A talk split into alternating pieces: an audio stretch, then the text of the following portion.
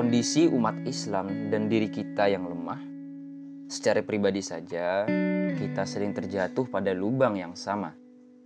Terjatuh pada kebingungan memilih untuk olahraga atau ngegame, terjatuh pada tidur ketimbang baca, terjatuh pada cinta semu ketimbang menelah khazanahnya Allah. Kurangnya kedisiplinan, kurangnya rasa tanggung jawab, kasih sayang hingga malu. Bahkan kita juga sering terjebak dengan hati yang gelisah, galau gundah gulana memikirkan nasib yang tak kunjung baik secara berkepanjangan. Kita juga terjebak dalam sikap hasad, sikap iri, bahkan tak luput dari congkak atau berbangga diri.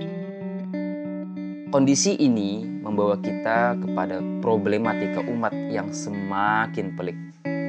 Karena kita tahu dalam bermasyarakat, masing-masing dari diri kita pasti menyumbangkan sesuatu. Namun, dengan keadaan kita yang saat ini, mari kita pikirkan. Rasanya tak banyak yang kita sumbangkan, bahkan tak jarang menyusahkan.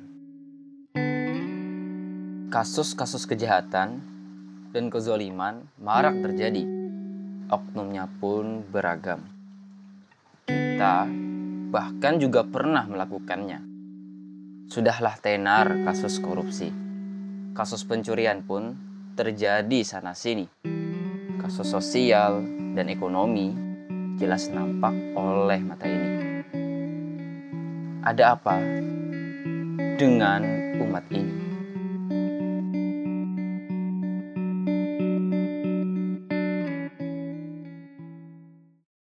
Bismillahirrahmanirrahim. Uh, Assalamualaikum warahmatullahi wabarakatuh. Rekan-rekan di mana pun kalian berada, mari kita buka perbincangan kita hari ini dengan sama-sama mengucapkan hamdalah. Alhamdulillahirabbil alamin. Tak lupa juga kita haturkan salat serta salam kita kepada Nabi kita Rasulullah Muhammad sallallahu alaihi wasallam dan sebagai bentuk pembiasaan dari diri kita hendaklah kita buka kita awali setiap agenda yang kita lakukan dengan sama-sama meniatkannya niat lillahi ta'ala. Minimal dengan mengucapkan bismillahirrahmanirrahim. Uh, Alhamdulillah hari ini kita berkesempatan untuk berbincang-bincang mengenai iman. Nah, hari ini eh, alhamdulillah juga kita berkesempatan untuk berbicara dengan seseorang. Nama beliau Kanda Syariful Afif. Ya, kuliahnya di Surabaya saat ini. Mengambil jurusan Al-Quran dan Tafsir. Ya, bagaimana kabarnya Kanda Syariful Afif? Baik, Alhamdulillah kabar baik Kanda Zaki. Alhamdulillah. Kanda Zaki sendiri bagaimana kabarnya? Alhamdulillah juga baik. Nah, di prolog tadi sudah kami sertakan tentang kondisi umat saat ini. Nah, hmm. uh, mulai dari kondisi ekonomi, kondisi sosial, bahkan politik, yang seolah-olah dari sudut pandang pers, nah, sudut pandang kita sebagai uh, yang mengamati itu ada masalah, ada hal yang sepertinya perlu diselesaikan. Nah, bagaimana tanggapan Kanda Syarif Lafif mengenai fenomena yang terjadi saat ini? Uh, baik, sangat menarik ya apa yang disampaikan oleh Kanda Zaki dan itu adalah fakta yang sangat sulit untuk kita pungkirin ya Kanda. Zaki. Di mana kita itu ya begitulah keadaannya. Kita yeah. memang banyak mungkin secara kuantitas kan tetapi kok sulit bersaing gitu. Seperti Islam itu tidak ada nilai tawarnya di dunia gitu. Nah, itu. Di Indonesia bahkan di dunia. Uh, akan tetapi Kanda Zaki, hmm. sebelum kita berbicara pada hal-hal yang skalanya makro seperti tadi ya, skalanya besar, Eh, maka alangkah baiknya jika kita melihat pada hal yang sifatnya kecil dulu karena Zaki. Karena kan dari hal-hal kecil itu nanti akan terbentuk sesuatu yang besar. Hmm, apa tuh contohnya? Sebagai contoh misalnya kita umat Islam saat ini ya. Misalnya yang pada kehidupan praktek sehari-hari aja. Ah, Kita masih lumrah menjumpai praktek-praktek kayak gibah ya, maling, Oh, kemudian betul. fitnah Nah, itu tuh. dan lain sebagainya itulah. Apalagi di kalangan pemuda ya, suka banget gibah. Eh, Kalau- dalam tanda kutip cewek. Eh ya. Ya, kalau yang skala mikro seperti ini saja belum bisa kita tangani, Mhm. bagaimana kemudian kita mau berbicara pada hal-hal Skala makro. Oke. Nah, mengenai eh, hal-hal yang berskala mikro itu tadi, seperti maling tadi kan yang disebutkan, kemudian fitnah, praktik gibah dan lain-lain, itu eh, alasan-alasannya kenapa? Kok itu masih terjadi pada umat ini? Ya, kalau ditanya alasan kenapa kok sama sih ada saja perbuatan-perbuatan seperti itu, ya tanya aja ke mereka pelakunya. Cuman kan untuk kita bicara secara umum ya, semisal maling, ya beragam alasannya. Salah satunya misalnya ada kesempitan ekonomi, Ah, sehingga mereka terdorong tuh untuk melakukan perbuatan maling itu tadi. karena itu kebutuhan gitu ya, walaupun Oh, iya. dengan cara yang salah itu tadi. Hmm. Atau fitnah misalnya karena dia iri kah, dengki kah dengan itu. seseorang, maka Bener dia, dia lancarkan fitnah untuk menjatuhkan yang bersangkutan Wah. misalnya. Bahaya, bahaya. Dan seterusnya dan seterusnya. Hmm, terkait dengan perkara ini, eh, kalau misalnya kita berkaca pada cerita sejarah atau hikayat-hikayat di masa lalu, kita bisa berkaca pada cerita apa? Eh, sebetulnya kalau kita mau melihat pelajaran bagaimana suatu perubahan besar terjadi ya dalam satu masyarakat, Mhm. Simple saja kita bisa melihat keadaan masyarakat Arab jahiliyah sebelum dan sesudah Islam. Oh, Nah, bagaimana kita bisa menjumpai ya dalam buku-buku sejarah, dalam catatan-catatan sejarah, Mhm. eh, bahas masyarakat Arab jahiliyah itu terkenal dengan apa ya, bejat, biadab lah gitu oh kan. iya. Senggol dikit bacok. Nah itu bahaya. Zina di mana-mana, mabuk sudah jadi budaya. Sehari nggak mabuk itu kurang gitu rasanya. Hmm. Mm-mm. Lalu pasca Islam apa yang terjadi? Eh, kita bisa melihat ya bagaimana perubahan besar terjadi di masyarakat Arab jahiliyah sebelum dan sesudah datangnya Islam. Sesudah Nabi Muhammad menyampaikan risalah dakwah Islamnya di masyarakat itu, maka kita bisa jumpai itu orang yang awalnya sangat keras gitu, kemudian menjadi sangat lembut. Hmm. Yang asalnya perempuan itu diperlakukan sebagaimana barang ya, karena masya Allah sekali adat perkawinan pada masa jahiliyah Iya. itu sangat biadab lah amoral. Wanita itu sudah seperti barang aja lagi. Iya, Dan udah mau dilelang ya. Iya. Banyak yang punya. Wah, parah sih, parah. Oke. Maka sesudah datangnya Islam, kita punya syariat pernikahan. Hmm, nah ini mengatur kemudian batasan beristri berapa, kemudian cara memperlakukan istri seperti apa, ada kewajiban nafkah. Nah, itu muncullah Islam sebagai solusi bagi kebiadaban. Kalau istilah yang saya kenal sih Islam itu eh, karena Rasulullah itu diutus untuk menyempurnakan akhlak, maka prosesi yang disebut yang kisah kita sebut terkait dengan Islam adalah ta'dib, mendidik orang untuk menjadi orang yang beradab. Wah, Iya, benar sekali. Peradaban, adab. Nah itu kunci itu. Kalau rekan-rekan ternyata penggiat peradaban, maka nih perlu dikaji nih tentang takdib. Tentang bagaimana Islam kemudian merubah suatu bangsa menjadi bangsa yang berdikari, menjadi bangsa yang mandiri, menjadi bangsa yang punya pengaruh. Nah, kalau bisa, kalau misalkan kita bicara konteks masa lalu, masa lalu kan tadi eh, sejarahnya bilang kalau Islam eh, pra Islam itu jahiliyahnya minta ampun. Bahkan daerah Arab itu saking jahiliyahnya dari Romawi dan Persia tidak tertarik dengan area Arab. Eh, walau eh, Selain dari pengaruh faktor geografisnya. Nah, betul. Maka dari itu Islam kemudian lahir eh, diutuslah Rasulullah Sallallahu Alaihi Wasallam dan apalagi kita lihat dari hijrahnya Rasulullah di Madinah eh, proyeksi dakwah itu luar biasa luar biasa besarnya.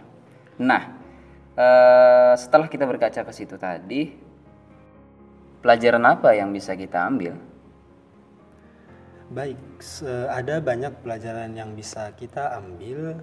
Cuman kalau kita melihat ya dari fase atau tahapan dakwah Nabi Muhammad Sallallahu Alaihi Wasallam, itu umumnya para sejarawan membaginya menjadi dua fase. ya.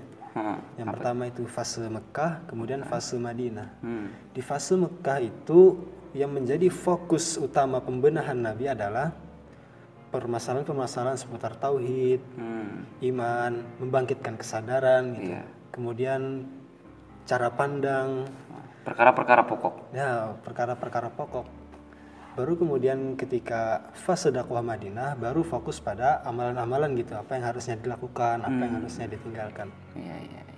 Nah, dari sedikit gambaran ini kita bisa sedikit proyeksikan gitu ya. Kalau kita ingin melakukan perubahan, Mhm. maka yang pertama kali perlu kita lakukan adalah membenahi pola pikir dan kesadaran kita.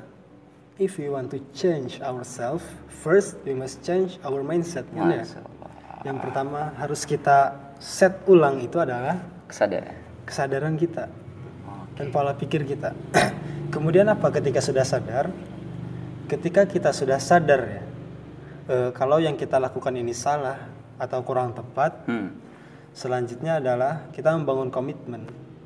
Bagaimana kita berjanji kepada diri kita sendiri Hmm. untuk terus menerus jadi lebih baik daripada diri kita yang sebelumnya. Ah, betul, betul, betul. Nah, sesudah kita membangun komitmen, ya udah direncanakan aja lagi. Langkahnya mau seperti apa supaya terukur gitu ya. Ah, buat strategi-strategi ya. Hmm, iya. Ya, kita bikin anak tangga kita biar kita bisa ke langit. Aduh. Sip. Nah, itu eh, bisa dikatakan sebagai solusi skala general umum. Hmm, Nah, secara umum. misal kita ambil satu contoh saja. Apa nih yang enak? Apa ya yang banyak? Gibah aja kali ya. Oh, boleh deh, boleh. Nah, kalau gibah solusinya gimana tuh terkait dengan hal-hal yang tadi disebutkan? Yang pertama tadi kan langkahnya adalah membangun kesadaran. Iya, betul. Dan kalau kita ingin membangun kesadaran, minimal kita harus punya ilmu gitu. Nah, kita iya, punya ilmu bahwa yang kita lakukan itu salah. Oh, ah. Nah, maka kita pertama harus kita sadari bahwa gibah itu adalah satu perbuatan yang banyak negatifnya gitu. Yang pertama misalnya membuang-buang waktu. Wah betul sih, gibah ini eh, agenda yang tidak terjadwal, yang merusak tatanan aktivitas sehari-hari, yang yang harusnya kita bisa jadi produktif. Hari ini kita ngerjakan A, ngerjakan B, kerjakan tugas, buat makalah, bikin project. Eh, tahu-taunya muncullah si gibah. Habislah waktu kita. Betul sih betul.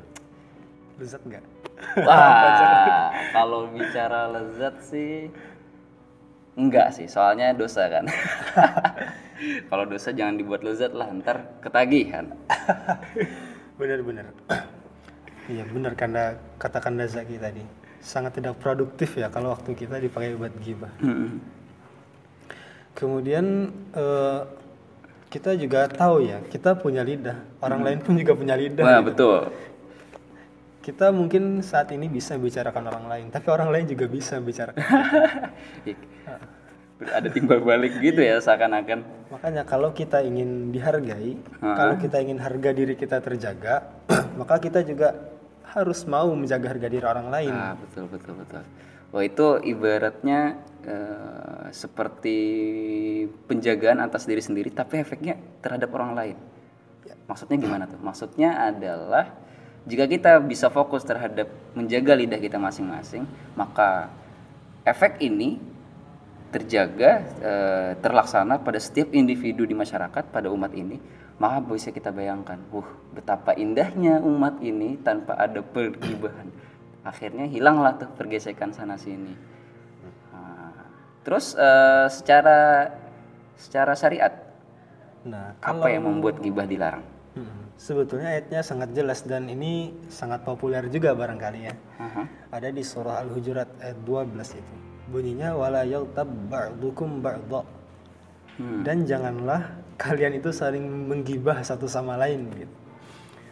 Bahkan di ayat itu diumpamakan orang yang menggibah itu sebagaimana dia memakan daging mayat ya saudaranya sendiri. Wah, astagfirullah, naudzubillah min dzalik. Jijik sekali itu. Itu untuk menggambarkan betapa ngerinya dosa gibah ini. Karena kawan-kawan ya, ayat surah Al-Hujurat ayat 12 dan 11 12 itu berbicara tentang fondasi-fondasi dalam bermasyarakat di antaranya tuh. Nah, salah satunya adalah jangan menggibah tuh, jangan saling menggibah. Kenapa? Karena dengan kita menggibah orang lain itu otomatis akan mengikis kepercayaan di antara masyarakat gitu, Oh, antara iya, iya, individu-individu yang ada di masyarakat. Wah, efeknya massal itu. Terciptalah distrust dan ini sangat berbahaya untuk segala hubungan ya, hubungan apa pun. Betul, betul, betul. Kalau misalnya kita pengen bangun hubungan ekonomi, pengen bisnis, kalau kita udah gibah sana sini, apalagi yang digibah adalah atasan kita, ya susah. Apalagi terkait dengan organisasi, guru juga seperti itu. Bahkan dalam organisasi terkecil, keluarga, kalau udah gibah-gibahan satu sama lain, udah pasang muka dua satu sama lain, bah, itu sudah di ujung tanduk itu. Bentar lagi patah lah istilahnya. Iya, orang Sunda ya. Terus komponen ketiga eh, apa tadi? Strategi ya. Strateginya gimana tuh? Tadi kan sesudah sadar itu tadi ya, dengan mengetahui hal-hal yang tadi itu, kita bangun komitmen aja untuk melakukan satu perubahan, yang kemudian kita wujudkan dengan membangun strategi-strategi tertentu supaya keinginan kita itu bisa tercapai gitu loh. Iya iya. Ada beberapa langkah yang bisa kita lakukan. Ini sebagai contoh aja ya, misalnya supaya kita berhenti gibah itu yang pertama kita lakukan menghindari sumber atau lingkungan pemicu gibah. iya sih. Iya betul betul. Atau minimal kalau ada kawan yang mancing-mancing ya, Ah. ya udahlah kita tutup telinga atau kabur aja atau kalau bisa kita alihkan pembicaraannya ke pembicaraan yang lebih bernas ya. Nah, tapi susah itu Iya, susah lah. mengubah pembicaraan, apalagi kalau kita yang eh, pendiam gitu kan, ya mau nggak mau minimal jadi pendengar. Terus strategi selanjutnya apa tuh? Eh, Kalau tidak bisa kayak gitu, kita alihkan aja pembicaranya ke pembicaraan-pembicaraan biasa gitu. Maksudnya ya pembicaraan yang mubah-mubah, Hmm, yang boleh-boleh gitu ya. yang boleh-boleh sekedar bercanda aja misalnya. Tapi jangan masukkan unsur gibah dan yang dilarang lah. Hmm, apalagi fitnah. Iya. Iya. Selain itu cara yang bisa dilakukan adalah mendekatkan diri kepada orang-orang yang soleh, orang-orang yang baik. Hmm. Karena eh, orang-orang yang baik itu biasanya ngomongnya yang baik-baik aja juga. Ah betul betul. Hmm. Atau ke orang-orang yang kita tahu banyak pengetahuannya gitu lah. Ah. Karena orang yang banyak pengetahuannya itu jarang gibah. Oh, iya. jadi jadi keingetan sebuah kutipan nih eh, bahwa kalau misalnya kita mendekat kepada orang soleh itu sama halnya ibaratnya kita mendekat kepada penjual minyak wangi. Nah, Kita walaupun tidak bisa beli minyak wanginya, minimal ketularan wanginya lah. Aroma aromanya juga enak gitu. Nah berarti eh, kaidah itu juga yang bisa kita gunakan tadi ya terkait dengan gibah. Ya jangan dekat-dekat pada tukang besi kalau nggak mau kena abu besinya gitu kan. Ya jangan dekat-dekat dengan eh, lingkungan yang memicu kita gibah, teman-teman yang toksik gitu tadi. Kalau kita nggak mau terjebur dalam dosa gibah atau minimal secara duniawi membuang-buang waktu. Nah, inilah pentingnya lingkungan ya ketika kita ingin mengubah diri kita untuk menjadi lebih baik. Contoh saja ketika orang ingin menjadi pemain profesional dalam sepak bola misalnya, Iya. maka dia akan dikumpulkan ke lingkungan seperti SB, SSB. Oh iya iya iya betul. Jadi betul. atau futsal ada klub futsal, Hmm. ada penulis, ada klub penulis dan Iya, lain sebagainya. Ini pentingnya lingkungan ya. Bagaimana lingkungan itu berperan sangat signifikan terhadap karakter kepribadian dan diri seseorang lah. Kalau bahasa hadis itu mah almar'u ala dini khalilihi. Ah. Seseorang itu tergantung bagaimana kawannya. Oh iya iya. Nah itu tuh perlu kita garis bawahi almaru ala dini khalili. Seseorang itu tergantung dari eh, seseorang agama seseorang itu tergantung dari kawannya. Jadi beringat-ingat eh, kita ingat-ingat lagi nih kita sudah hangout sama siapa aja. Kita cek lagi nih eh, kalau misalnya teman kita itu masih dalam tergolong toksik ya sebisa mungkin kita hindari minimalisir lah ya. Atau kalau misalnya kita adalah berjiwa penggerak berjiwa perubahan ya kita yang bikin agenda-agenda itu atau aktivitas-aktivitas itu jadi bermanfaat ya, jadi komandonya gitu loh. Wah. Para sahabat dulu itu diutus sama Nabi ke beberapa tempat untuk mewarnai itu. Ah, untuk mewarnai badan-badan dakwahnya. Jadi bukan kabur. Hmm, nah, tuh jangan kabur teman-teman jangan kabur. Tapi ya kalau misalnya berat atau nggak bisa ya apa boleh buat? Iya sih, harus disesuaikan juga dengan kondisi dan situasi kemampuan yang ada. Sepertinya kita sudah masuk eh, sesi konklusi. Eh, di sini izinkan saya merangkum sedikit tentang apa yang kita bicarakan pada kesempatan kali ini. Di awal kita sudah bicara tentang problematika umat. Mulai dari skala makro, contohnya sosial ekonomi, kemiskinan, rasisme, KKN, dan lain-lain. Terus kita mengerucut kembali pada hal-hal yang bisa kita kontrol, yakni skala mikro, yaitu kemalingan, gibah, fitnah-fitnah sana sini. Hal itu ditengarai oleh banyak sekali faktor. Salah satunya adalah manajemen terhadap diri kita pribadi. Kasus gibah tadi misalnya, yaitu kesalahan kita terhadap manajemen waktu kita, manajemen lisan kita. Berapa solusi yang kami tawarkan? Yang pertama adalah mulai dari kesadaran diri. Kemudian yang kedua membangun komitmen dan komitmen itu dibuktikan dengan merencanakan dan melakukan strategi-strategi. Oke, eh, next chapter kita insya Allah jika ada jodoh dan waktunya akan mengulas tentang ikhlas, istiqomah, sabar, dan syukur. dengan Kanda Zaki sebagai pembicaranya Insya Allah jika ada waktunya. Kami akhiri sampai di sini. Semoga hal ini bermanfaat, semoga bisa diambil pelajaran dan bisa diamalkan tentu saja. Dan kami ingatkan kembali diri kami tentu tak luput dari kesalahan dan dosa. Kami memohon agar bisa dimaklumi dan terlebih-lebih bisa diingatkan di kesempatan yang akan datang. Terima kasih sampai di sini. Kami ucapkan Assalamualaikum warahmatullahi wabarakatuh.